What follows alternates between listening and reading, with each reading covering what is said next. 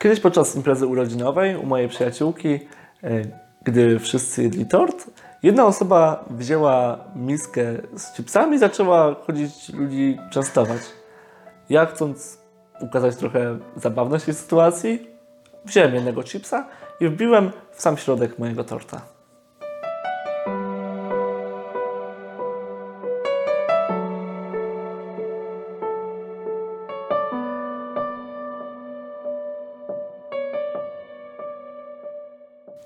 I być może teraz pomyślałeś, o czym ten człowiek mówi?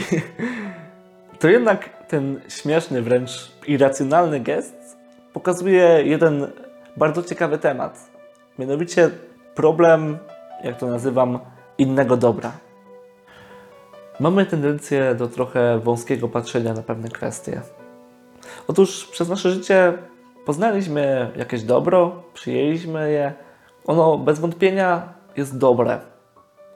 Za to mamy tendencję do tego, że gdy patrzymy na coś innego, coś totalnie różnego od tego naszego dobra, które już poznaliśmy, to zdaje nam się, że ono już tak do końca dobrem chyba nie jest.